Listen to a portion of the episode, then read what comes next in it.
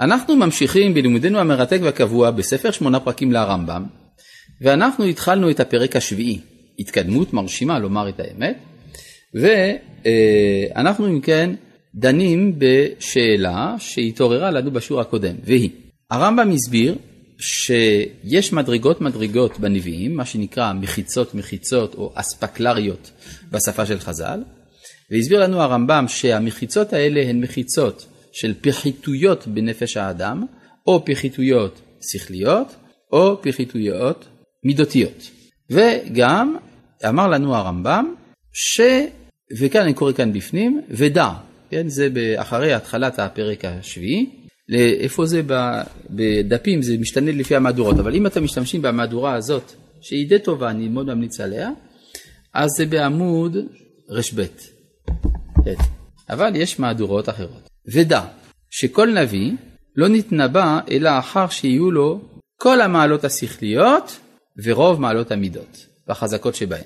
כלומר הרמב"ם אומר שכדי להיות נביא, בגבי שכל אנחנו לא מוותרים לך. אם אתה לא לגמרי חכם, אז uh, תשכח מהנבואה. מה שאין כן לגבי המידות, שאפשר שיהיו קצת קלקולים, לא הרבה, אבל קצת אפשר. וכאן השאלה שעוררנו בשיעור הקודם היא, כיצד ייתכן שהרמב"ם שכח את דברי הרב קוק באורות הקודש חלק ג' בעמוד י"ט, שאומר באחדות המוסר והחוכמה, עמודים י"ט וכ' גם, כן, שהר... שמסביר שלפי היהדות כל החשכה מוסרית היא בעצמה החשכה שכלית. זאת אומרת שאם האדם איננו מתוקן לגמרי במידותיו ובמעשיו, לא ייתכן שישיג את האמת. וכאן הרמב"ם אומר לגבי המידות אנחנו קצת מוותרים לנביא. כיצד להבין את זה? השאלה הזאת היא רצינית מאוד. האם נאמר שהרמב"ם חלילה לא אה, נוטה אל התפיסה היוונית שרואה את העיקר בשכל ולא במידות? לא היה ולא נברא. דברים האלה לא ייתכנו כלל, הרי הרמב"ם מחכמי ישראל הוא. אלא שהרמב"ם לוקח את הנבואה ברצינות. ואני אסביר. מה זה הנבואה? הרמב"ם קדם לרב קוק, זה גם תשובה אפשרית, בהחלט, אבל ברור שהרב קוק לא אומר סתם דברים, אלא הוא אומר את האמת על היהדות, אז מן הסתם שגם הרמב"ם מסכים איתו, אלא אם כן הוכיח שלא. אבל, אה, אבל איך אמרו, אין מוקדם ומאוחר ביהדות. עכשיו, אה, בואו נתקדם קצת. אה, מה זה הנבואה? הנבואה, אני אגיד בשפה פשוטה, זה שאלוהים מדבר עם האדם. אלוהים הוא שלם או לא? ודאי, שלם. האדם שלם או לא? לא. אם נאמר שאדם צריך להיות שלם כדי להיות נביא, מה זה אומר? שאין נבואה. זאת אומרת, מי שיאמר, אני תובע מהאדם להיות במאת האחוזים מתוקן במידותיו כדי להיות נביא, זו דרך מנומסת לומר שאתה לא מאמין בנבואה באמת. כלומר, הגדולה של הנבואה זה שהקדוש ברוך הוא הסכים לפנות אל היצור הבלתי מושלם הזה, האדם. זה מה שאנושי כל כך בנבואה. כן, זה אחד הדברים הידועים יותר בספרות, הספרות אה, הרומנית וכדומה, שהאדם מודע לחסרונות שלו. וכאשר. נכון, יפה מאוד. כלומר, השם אלוהיכם אמת, בני אדם הם לא אמת. האדם נקרא בתורה בשם אנוש. מה זה אנוש? באחת המשמעויות של המילה אנוש זה אני שוכח, כן? נכון? לנשות, מנשה, נשני אלוהים. אז אנוש זה אני שוכח, אני יצור שכחן בהגדרה, ואף על פי כן החליט ריבונו של עולם לדבר איתי. צור ילדך תשי. אחת המשמעות של תשי, הוא, הוא עשה אותך תש כוח. ובכל זאת בחר הקדוש ברוך הוא לדבר עם היצור הבלתי מושלם הזה. אז אם כך, זה צריך להיות אמיתי. חייב להיות שיש משהו בלתי מושלם בנביא. אז אם כן, זה לא בגלל זלזול בערכו של המוסר, אלא אדרבה, מתוך העלאת הערך של הנבואה. שהנבואה זה אנחנו באמת מאמינים בזה, זה באמת רציני שריבונו של עולם החליט לדבר עם האדם, ולכן מוכרח להיות שהוא מוכן לקבל משהו שמראה על אנושיות בנביא. כן? בכל נביא יש איזה צד מאוד מאוד אנושי, איזשהו קלקול אפשר לומר, שמראה דווקא על היותו אדם. כן, בבקשה. שנייה רק רגע.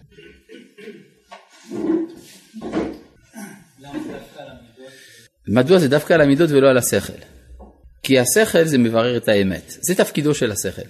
מה שאין כן המידות, תפקידן להשלים את האדם, את האדם שבאדם, את האנושי שבאדם. לכן, כלומר, זה בדיוק עניינו של האדם, שהוא... לעומת זה השכל כן יכול להיות מושלם. לא.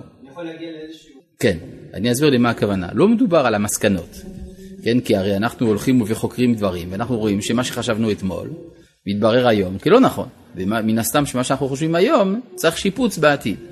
אבל מה שכן אנחנו דורשים זה המעלה השכלית.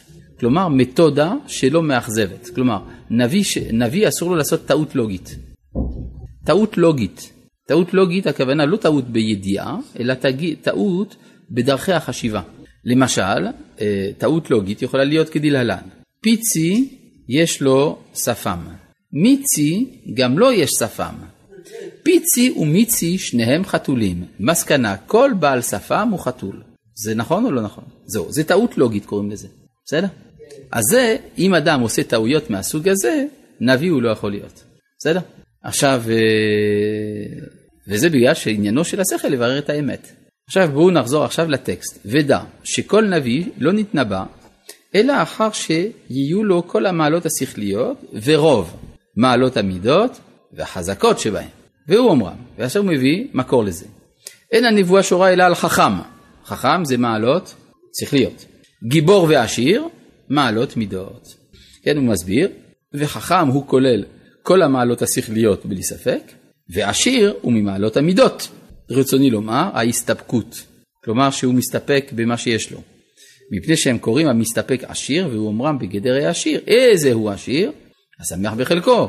רצונו לומר שיספיק לו במה שהמציא לו זמנו, כלומר העולם, ולא יכאב במה שלא המציא לו. האם האדם שמסתפק בחלקו, האדם ששמח בחלקו, זה אדם שלא רוצה יותר ממה שיש לו? לא. ודאי שהוא רוצה יותר, מי לא רוצה יותר? אם אני בא אליך, אני אומר, הנה, יש לי בשבילך עוד מיליון דולר. ואתה אומר, לא, מספיק לי מה שיש לי. למה? מיליון דולר, אפשר לעשות עם זה הרבה דברים טובים. אם אתה שמח בחלקך, אבל ברור שאם יהיה לך מיליון דולר, יש לך יכולות שלא היו לך מקודם. אז זאת תהיה שטות לא לרצות, איך אפשר לא... זה שאתה שמח בחלקך, מה זה אומר? זה לא אומר שאתה לא רוצה יותר, אלא זה שאתה רוצה יותר לא מפריע לך לשמוח במה שיש. כי יכול להיות מצב, וזה מצוי אצל הרבה אנשים, מרוב שהוא רוצה עוד, זה מונע ממנו להיות שמח במה שיש. כי הוא כל הזמן חושב על מה שאין. זאת הטעות. זאת הטעות המנטלית, הייתי אומר, של הרודף אחרי הביצה. כי יוצא לפי זה שאדם כזה לא יהיה עשיר לעולם. כי גם אם יהיה לו, הוא יהיה אדם עם חשבון הבנק הגדול ביותר, המלא ביותר בכדור הארץ, עדיין הוא לא יהיה עשיר, כי הוא לא שמח בחלקו. ברור? לעומת זה אדם שיש לו, מה שיש לו, הוא שמח בזה. אז לכן הוא לא מתנגד לתוספת, אבל מה שיש, הוא כבר משמח אותו. ואז הוא באמת עשיר. אבל יש תנאי לדבר הזה, צריך שיהיה לו חלקו. אם אין לו חלק, אז איך הוא יכול להיות שמח בחלקו? למשל, יש אדם, אין לו מה לאכול, אין לו מה ללבוש, אין לו בית. הוא שוכב לו על המדרכה. אומרים לו, אולי אתה, אתה יודע, שמענו, יש קצת עבודה, אתה יכול אולי לעבוד בזה וזה, יהיה לך משכורת, תוכל להשתפר. לא, שמח בחלקי. למה, פה זה שטות, למה? כי אין לו חלק. צריך קודם כל שיהיה לו חלק כדי לשמוח בו. כן, כן, אז זה, זה, זה קיצוניות, זה, זה המידה הקיצונית, לא על זה אנחנו מדברים. כן, עכשיו, אה, רצונו, גם הרמב"ם ביקר התנהגות כזאת, במאמר רביעי, אם אתה זוכר, בפרק רביעי, סליחה, כן, ודאי שאתה זוכר. וכן גיבור, הוא גם כן במעלות המידות. רצוני לומר, שינהיג כוחותיו כפי הדעת והעצה, כמו שביארנו בפרק החמישי, והוא אומרו, איזה הוא גיבור? הכובש את יצרו. כלומר, הכובש את יצרו לפי זה, זה מי שמתנהג כמו שכתוב בפרק חמישי. מה כתוב בפרק חמישי? שצריך להשתמש בכוחות החיים, כוחות הנפש, בשביל להגיע לדעת אלוהים. כן? כלומר שזה ישמש לזה. כל מה שיש לך, אתה משתמש כדי בסופו של דבר להגיע לדעת השם. אז זה נקרא חכם, עשיר וגיבור. חכם מעלות, מעלות שכליות, גיבור ועשיר מעלות מידותיות. האם זה אומר שלא צריך גם להיות גיבור בגוף? ברור, זה מובן מאליו. אדם שהוא חולה לא יכול להיות נביא. בא מישהו אל בית הדין, אומר, שלום, אני נביא. אומרים לו, עברת בדיקות דם? אה, לא. טוב, לך תעשה בדיקות. נו, אומרים, תראה איזה כולסטרול יש לך, ותראה פה הליקוציטים שלך, וזה, מה, אתה רוצה להגיד שאתה נביא? באמת. לך תתרפא, אחרי זה נדבר. כן? זאת אומרת, ברור שצריכה להיות גם שלמות פיזית. גבורה. גבורה, אה, ספורט, אה, שרירים, כמו שצריך, ברור שצריך להיות בריא. זה, כל הנביאים היו גם גיבורים. אבל יש מרכיב מוסרי בגבורה ובעושר, שזה המבואר כאן במסכת אבות. איזה הוא עשיר השמח בחלקו ואיזה הוא גיבור הכובש את יצרו. אם כן, זה הנקודות. זה דבר מעניין כי אנחנו רואים בשיטות רוחניות אחרות שהרבה פעמים דווקא רואים בחיסרון של הגוף ובחיסרון של העושר איזה מין מעלה שמפגישה את האדם עם הרוחניות. יש גם בחז"ל ביטוי כזה. אומרים שכינה למעלה מראשו של חולה. אז אם אני לוקח את זה ברצינות, זה אומר שכדאי להיות חולה. אתה רוצה קצת להיפגש עם השכינה, לא? לא בא לך? הנה, תהיה חולה, תיפגש עם השכינה. שכינה למעלה מראשו של חולה. כן, אבל מה שלא שמו לב, זה שחז"ל אמרו שהשכינה למעלה מראשו. אבל אצל הבריא, איפה השכינה? בראשו. היא בו. זאת אומרת שברור שהבריאות עדיפה על החולי. אם כבר אני חולה, אז החולי מראה על ההזדקקות של, שלי למי שברא אותי. אז זה יוצר איזה מין מצב מיוחד של דבקות באלוהים, שהיא מיוחדת לאנשים שעוברים זיכוכים של ייסורים וכדומה, אבל ברור שהחיים לא בנויים רק מזה. אין, זה, אין אידיאליזציה של הסבל, ברור.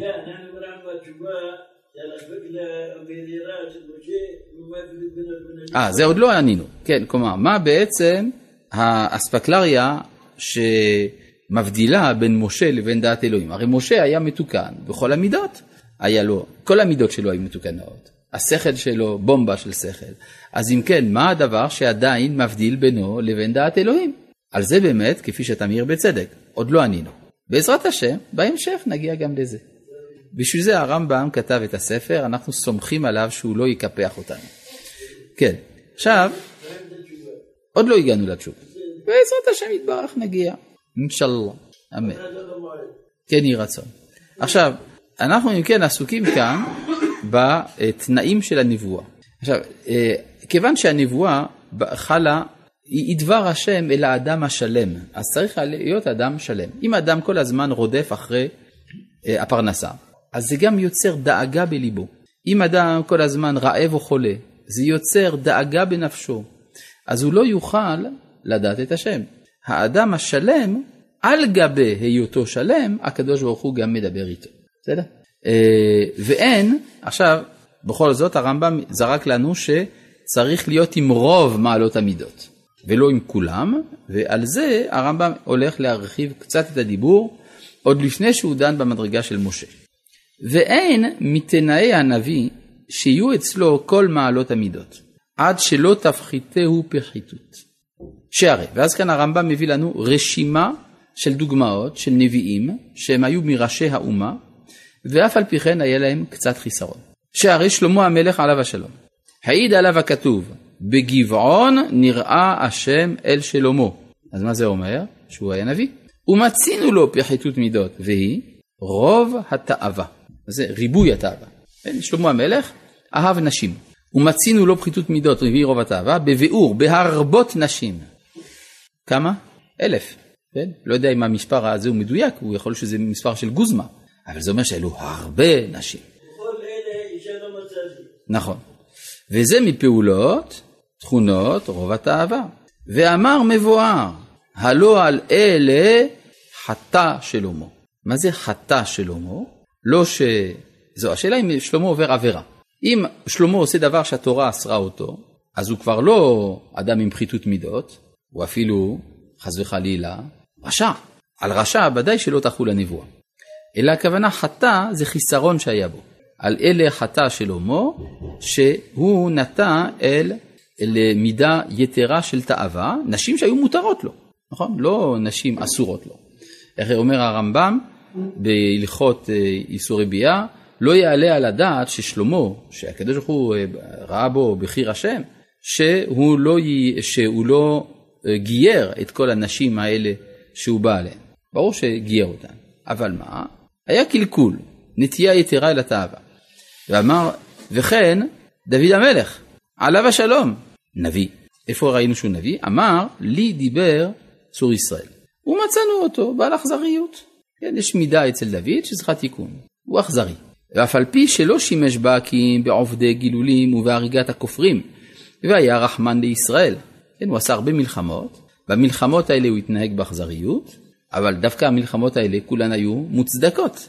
שוב, אנחנו לא באים בטענות על עצם המלחמה. מלחמה, מצוין. השאלה, איך אתה מנהל את המלחמה מתוך איזה הזדהות נפשית. אתה אומר, או, oh, סוף סוף, הזדמנות לשפוך דם. זה מידה לא טובה. נכון, במלחמה שופכים דם, בשביל זה יש מלחמה. לא צריך בשביל זה לסגת אחור מן המלחמה. השאלה היא, האם יש אהבת הדבר הזה? זאת הנקודה של אכזריות, וזה מה שהיה חסר אצלו. אבל בביאור, בדברי הימים, שהשם יתברך לא הרשהו לבנות בית המקדש, ולא היה ראוי בעיניו לזה לרוב מה שהרג. אמר, אתה לא תבנה בית לשמי, כי דמים רבים שפכת ארצה לפניי. אז זה לא, כן, צריך להיזהר מטעות כאן.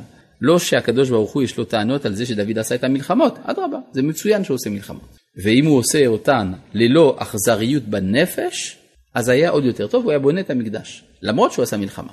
אבל הוא נטע אל מידת האכזריות.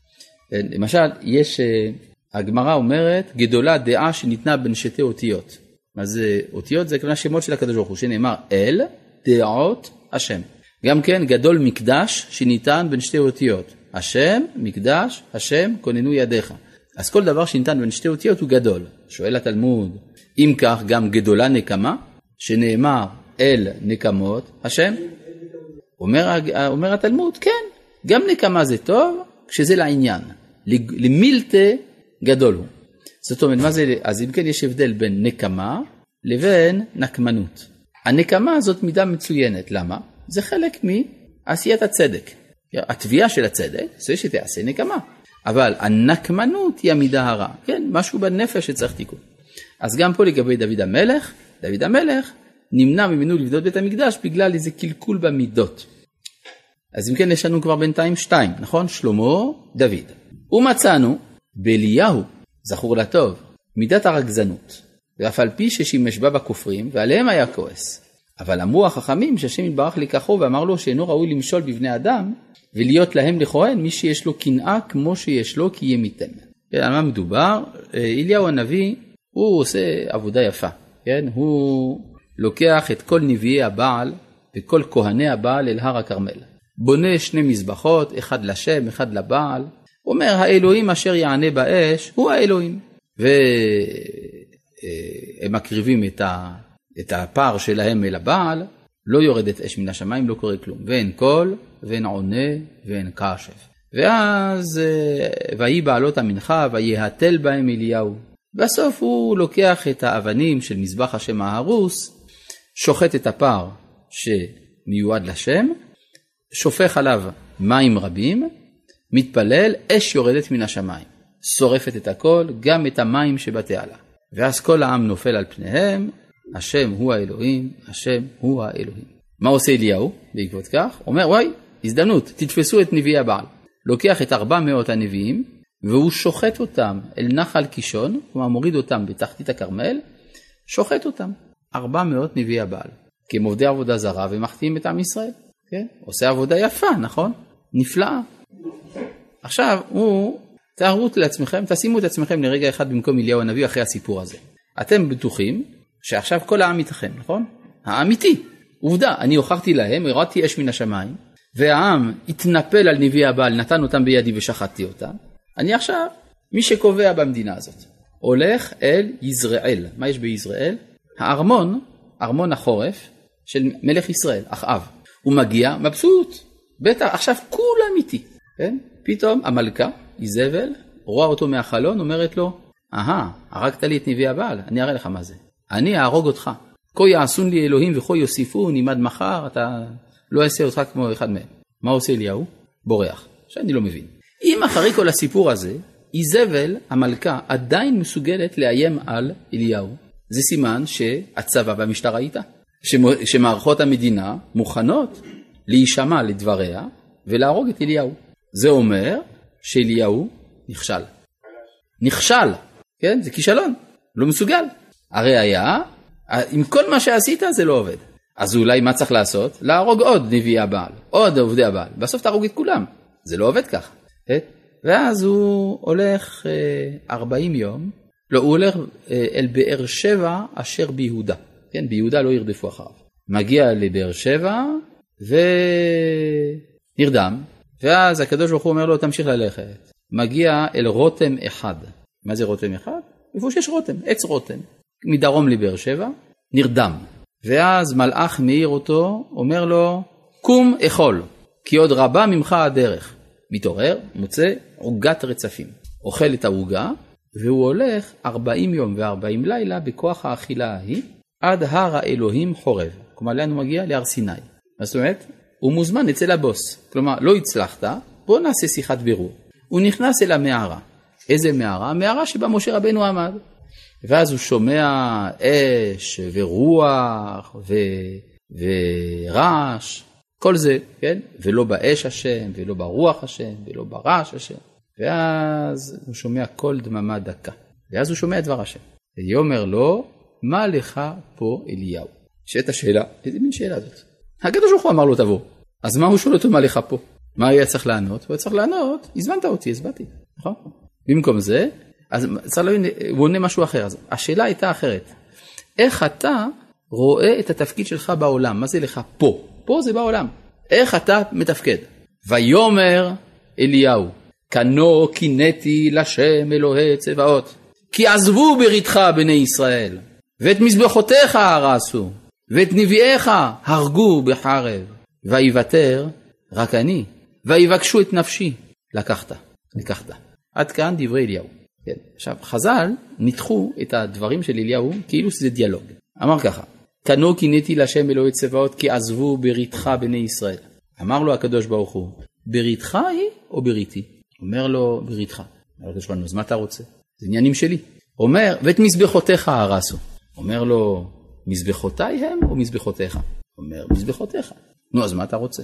אומר, ואת נביאיך הרגו בחרב. נביאי הם או נביאיך? הנביאים שלך. נו, אז מה אתה רוצה? ויבקשו את נפשי לקחת. אה, זה עניין אישי, אז זה בגללך. אתה עושה את כל הבלאגן הזה, ויהיה מה שקרה לך. ואז עוד פעם מגיע האש, והרעש והרוח, ועוד פעם כתוב ולא באש השם, ולא ברוח השם, ולא ברעש השם. ואז כל דממה דקה. מה, מה זה? הקדוש ברוך הוא נותן לו שיעור, אומר לו, אתה לא תצליח לא על ידי רעש, לא על ידי רוח, ולא על ידי אש, אלא על ידי דיבור רפה, כל דממה דקה. ואז הוא עוד פעם אומר לו, ויאמר מה לך פה אליהו? כלומר, מה השאלה עכשיו? האם הבנת את השיעור? כן? האם הבנת מה שאני אומר? ואז מה עונה אליהו? כנו קינאתי לשם אלוהי צבאות, כי עזבו בריתך בני ישראל, ואת מזבחותיך הרסו, ואת נביאיך הרגו בחרב, ויוותר רק אני לבדי, ויבקשו את נפשי לקחת. מה, מה זה אומר? לא הבין את השיעור. ויאמר, ויאמר השם אליו, לך מדברה דמשק, ומשכת את חזאל למלך על ארם. אתה תיקח את חזאל, אתה תעשה אותו מלך חדש בארם. ואת יהוא בן נמשי תמשך למלך על ישראל. ואת אלישע בן שפט מאבל מחולה תמשך לנביא תחתיך. מילים אחרות, אתה מפוטר. זאת אומרת, מדוע? בגלל שהשיטה לא עובדת, זה לא עובד ככה. זה שוב מה שאומר כאן הרמב"ם. ומצאנו באליהו הנביא זכור לטוב מידת הרגזנות. ואף על פי ששימש... מישהו מתרגז. ואף על פי ששימש בה בכופרים, ועליהם היה כועס. אבל אמרו החכמים שהשם יתברך לקחו, ואמר לו שאינו ראוי למשול בבני אדם ולהיות להם לכהן, מי שיש לו קנאה כמו שיש לו, כי ימיתם. ודאי שיש מקום לקנאות, ודאי שיש מקום. עד כדי כך שחז"ל אומרים פנחס הוא אליהו. כן? ודאי שיש מקום לקנאות. השאלה היא מתי ואיך. אז אצל אליהו זה עבר את הגבול. זה מה שהוא אומר לו, אתה לא יודע לעבוד. אם הקנאות לא הייתה, הייתה חסרת משמעות, הקדוש ברוך הוא לא היה בורא את הקנאות. ברור שהיא משמעותית, אבל הוא אומר, פה אתה לא יודע לעבוד. כן? כתוב בגמרא שאחד האמוראים אמר, אבא אליהו קפדן אהבה. שאליהו היה אדם קפדן, ואז אליהו הנביא הפסיק להתגלות אליו. ואז אחרי, שלו, אז התענה אותו חכם שלושה ימים, ואז חזר אליהו ואמר לו, מה אתה קורא לי קפדן? אמר לו, נו אתה רואה. טוב, עד כאן להיום. שלום.